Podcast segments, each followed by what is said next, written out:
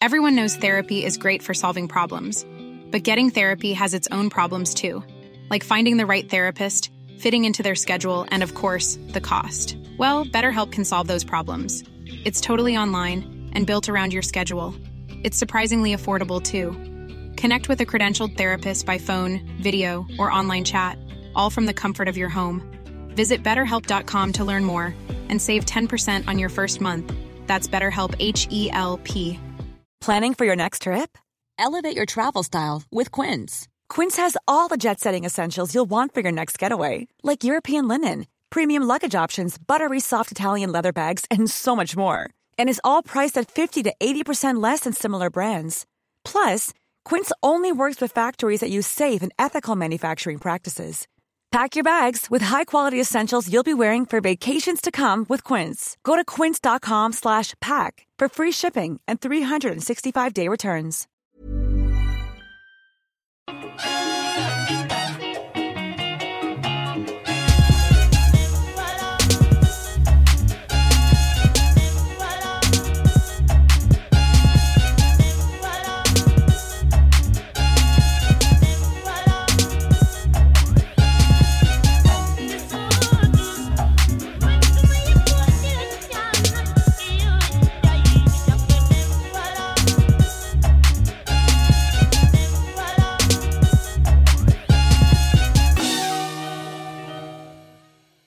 Hej och välkomna till Svart historia med mig, Amat Levin. Vi befinner oss just nu mellan två av de större huvudavsnitten, så den här veckan kör jag ett av de här lite kortare episoderna. De två senaste stora avsnitten har båda handlat om den transatlantiska människohandeln och det har dykt upp lite lyssnarfrågor kring dem som jag tänkte svara på här. Ni får gärna skicka lyssnarfrågor till mig så ska jag göra mitt bästa för att besvara dem.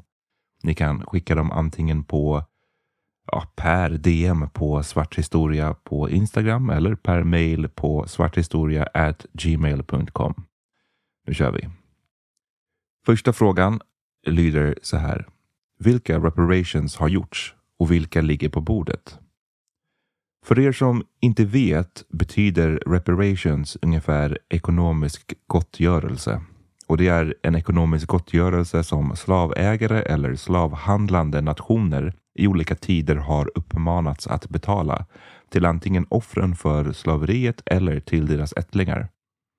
Motivet för att ättlingarna ska få ta emot pengarna har oftast kretsat kring den ekonomiska orättvisa och underutveckling som fortfarande råder och som är en följd av slaveriet. Vad jag vet har den här frågan diskuterats allra mest i USA och sedan åtminstone 1860-talet har svarta amerikaner hoppats på reparations. I januari 1865, mitt under det brinnande amerikanska inbördeskriget, hade nordstatsgeneralen William T. Sherman och krigsministern Edwin M. Stanton möte med 20 svarta amerikanska baptist och metodistpastorer i Savannah, Georgia. På frågan om vad de ansåg att den svarta befolkningen var i mest behov av svarade pastorernas ledare Garrison Fraser egendom ett par dagar senare utfärdade general Sherman den så kallade Special Field Orders nummer 15 som slog fast att en kustremsa på 400 000 engelska tunnland, alltså acres, i South Carolina, Georgia och norra Florida skulle fördelas mellan frigjorda slavar. Varje landområde skulle som mest vara 40 acres och i ett senare tillägg beordrade Sherman armén att låna ut mulor för att underlätta arbetet med de tänkta odlingarna. President Abraham Lincoln stöttade beslutet och uttrycket 40 acres and a mule gav hopp till svarta amerikaner att de äntligen skulle få en ärlig chans. I ett land där markägande hade stor betydelse i byggandet av välstånd hade bestämmelsen potentialen att vara helt revolutionerande för USAs svarta. Men i april 1865 mördades Lincoln. Andrew Johnson, hans ersättare, var betydligt mer välvilligt inställd till Söderns slavägare och hösten samma år drog han tillbaka 40 acres and a mule beslutet. Tusentals frigjorda slavar hade då redan hunnit inrätta sig på sina nya marker, men landområdena konfiskerades och återlämnades till de tidigare ägarna. I många fall användes armén för att vräka den svarta befolkningen. Eftersom svarta amerikaner inte kompenserades för sina hundratals år i slaveri inledde de sin tid av frihet på minus. Inom alla områden från inkomst och utbildning till ägande och tillgång till sjukvård låg de efter. I södern introducerades Jim Crow-lagar, alltså de här äh, segregerande lagarna från 1870-talet och de fastställde segregationen juridiskt. Medan svarta i norr och i västra USA motarbetades på mer subtila sätt.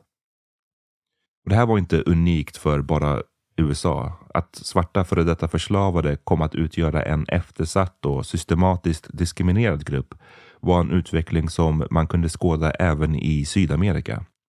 De stora svarta befolkningarna i exempelvis Brasilien, Colombia och Venezuela konfronterades alla med en orättvis tillvaro.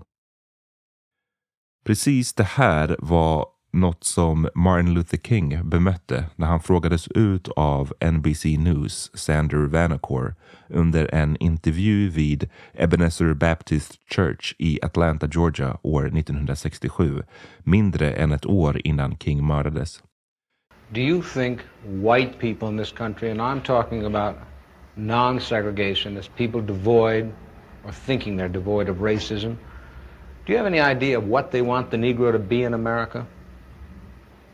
Well, it depends on the level that we are talking here, uh, because I think you have to make a distinction between the people who are genuinely and absolutely committed in the white community on the question of, of racial equality. And I must confess that I think they're in a very small minority.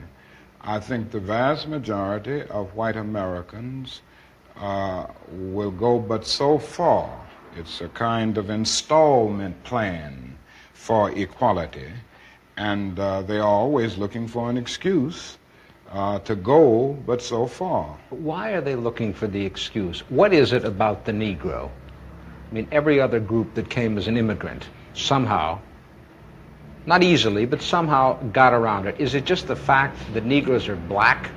That's a part of it, and growing, that grows out of something else. You can't thingify anything without depersonalizing that something. If you use something as a means to an end, at that moment you make it a thing and you depersonalize it. The fact is that the Negro was a slave in this country for 244 years. That act, uh, that was uh, a willful thing that was done. The Negro was brought here in chains, treated in very inhuman fashion. And this led to the thingification of the Negro.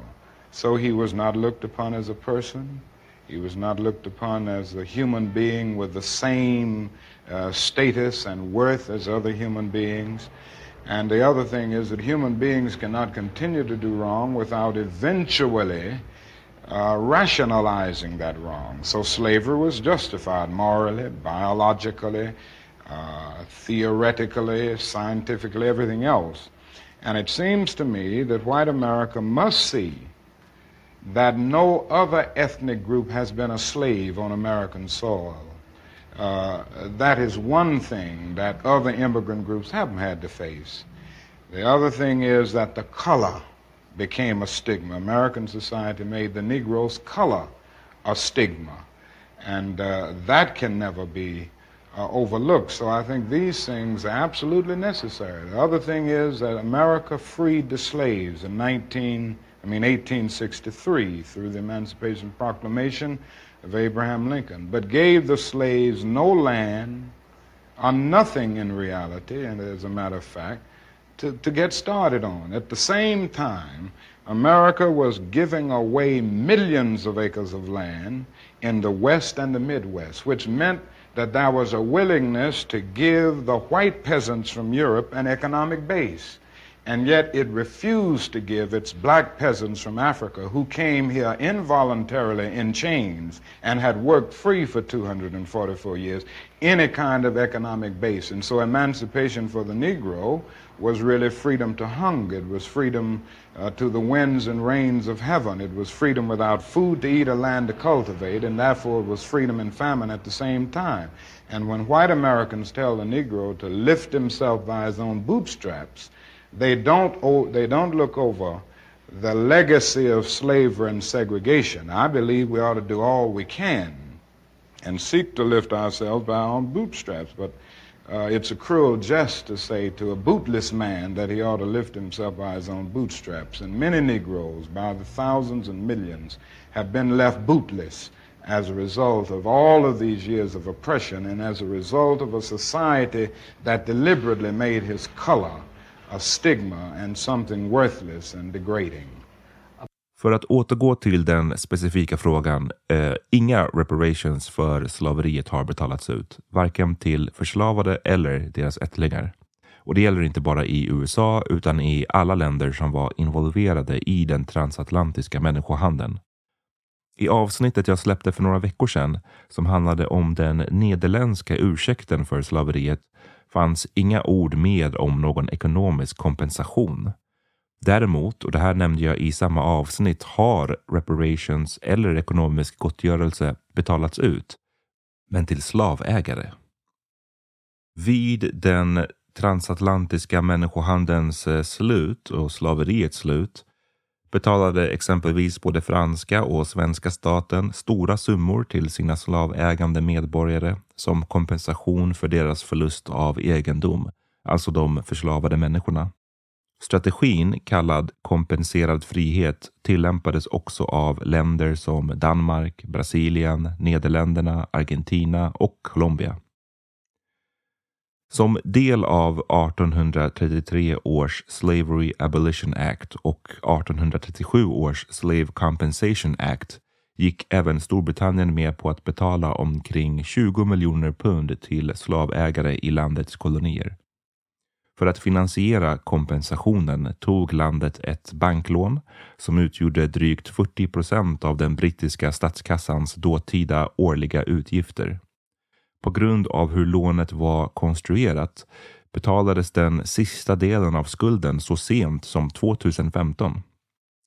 Enligt forskare vid University College London som gått igenom ungefär 46 000 transaktioner inkluderade mottagarna förfäderna till både vanliga brittiska medborgare och prominenta familjer som använde pengarna till att investera i företag, fastigheter och politiska karriärer. Som omnämnts i serien om den haitiska revolutionen tvingade Frankrike till sig ett enormt och förödande stort skadestånd från den unga haitiska nationen för sin förlorade egendom.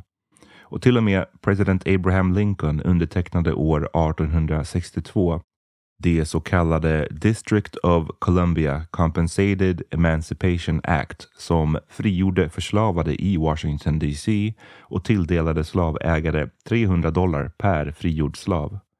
Då över 3000 slavar frigjordes betalade staten ut nästan en miljon dollar, en summa som idag motsvarar över 25 miljoner dollar. Enligt den amerikanske statsvetaren John William Burgess kunde även slavar motta upp till 100 dollar, men bara om de valde att emigrera till Haiti eller Liberia. Det sistnämnda landet var en västafrikansk stat som skapats av frigjorda amerikanska förslavade och det är ett land jag kommer återkomma till i ett framtida avsnitt. Som sagt, den enda ekonomiska kompensationen som betalats ut till följd av den transatlantiska människohandeln gick till före detta slavägare. Inget har betalats ut till de förslavade eller till deras ättlingar och fortfarande ligger inget konkret sådant förslag på bordet. Vi tar en liten paus och efter pausen så är jag tillbaka med en till fråga.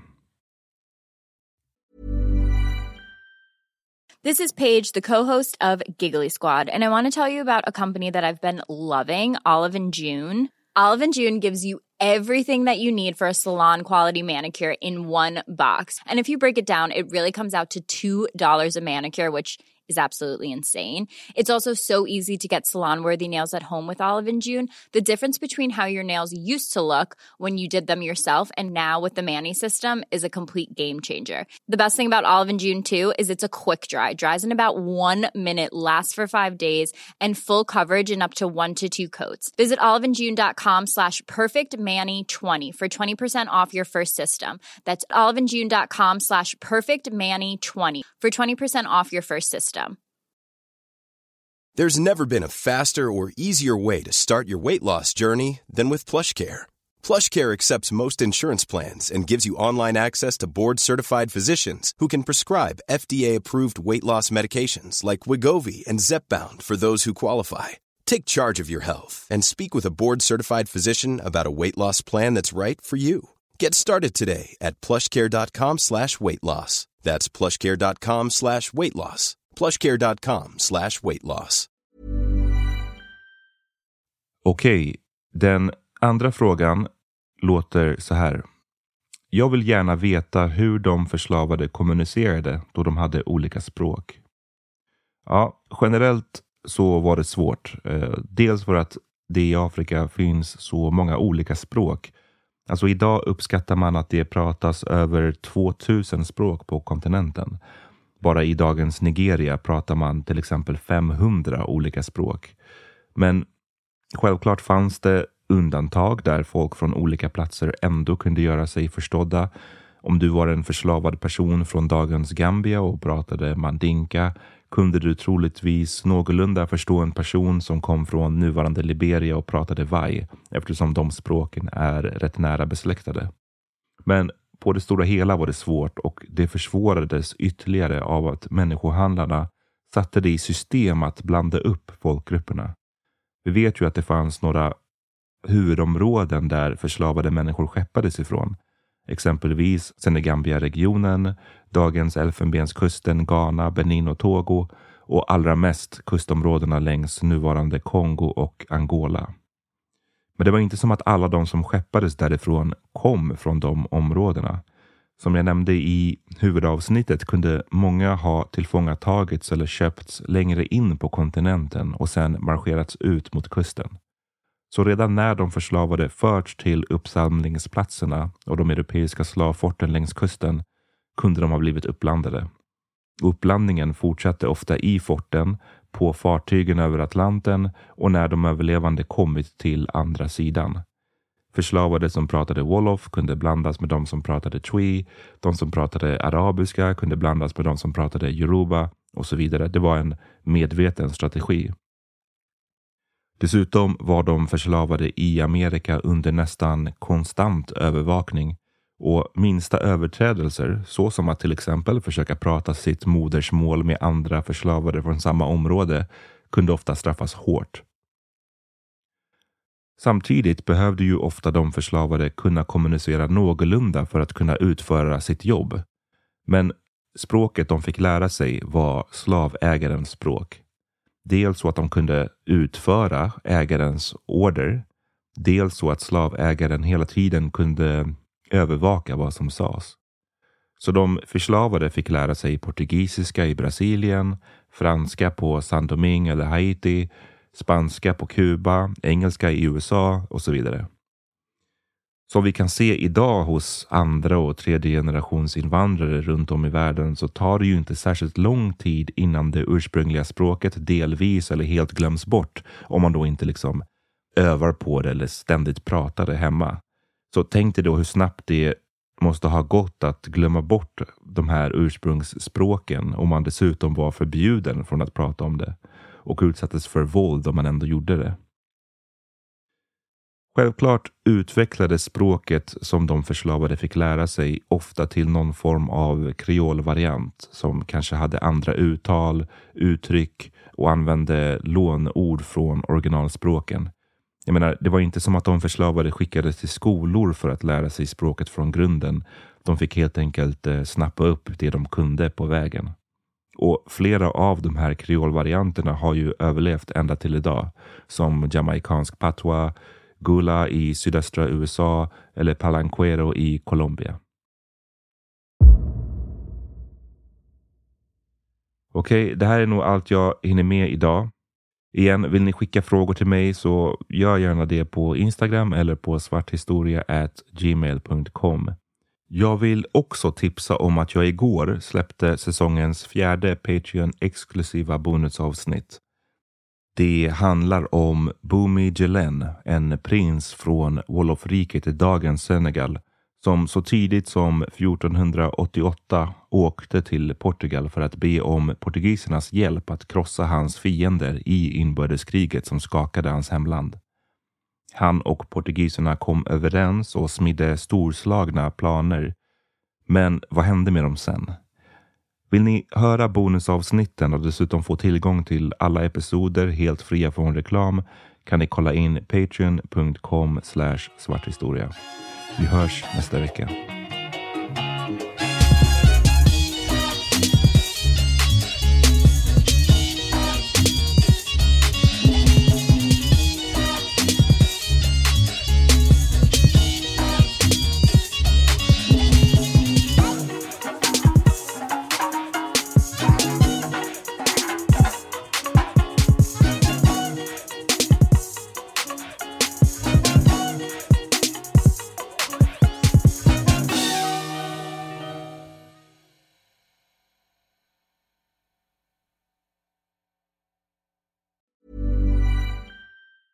Hey, folks, I'm Mark Marin from the WTF Podcast, and this episode is brought to you by Kleenex Ultra Soft Tissues your ally to help tackle your allergy symptoms this season. I love the change of seasons, but nobody loves pollen and all those other things floating in the air that make you sneeze during this nice weather. Kleenex Ultra Soft tissues are hypoallergenic and allergist approved. So fight back against watery eyes and runny noses without worrying about irritating your skin. For this allergy season, grab Kleenex and face allergies head on.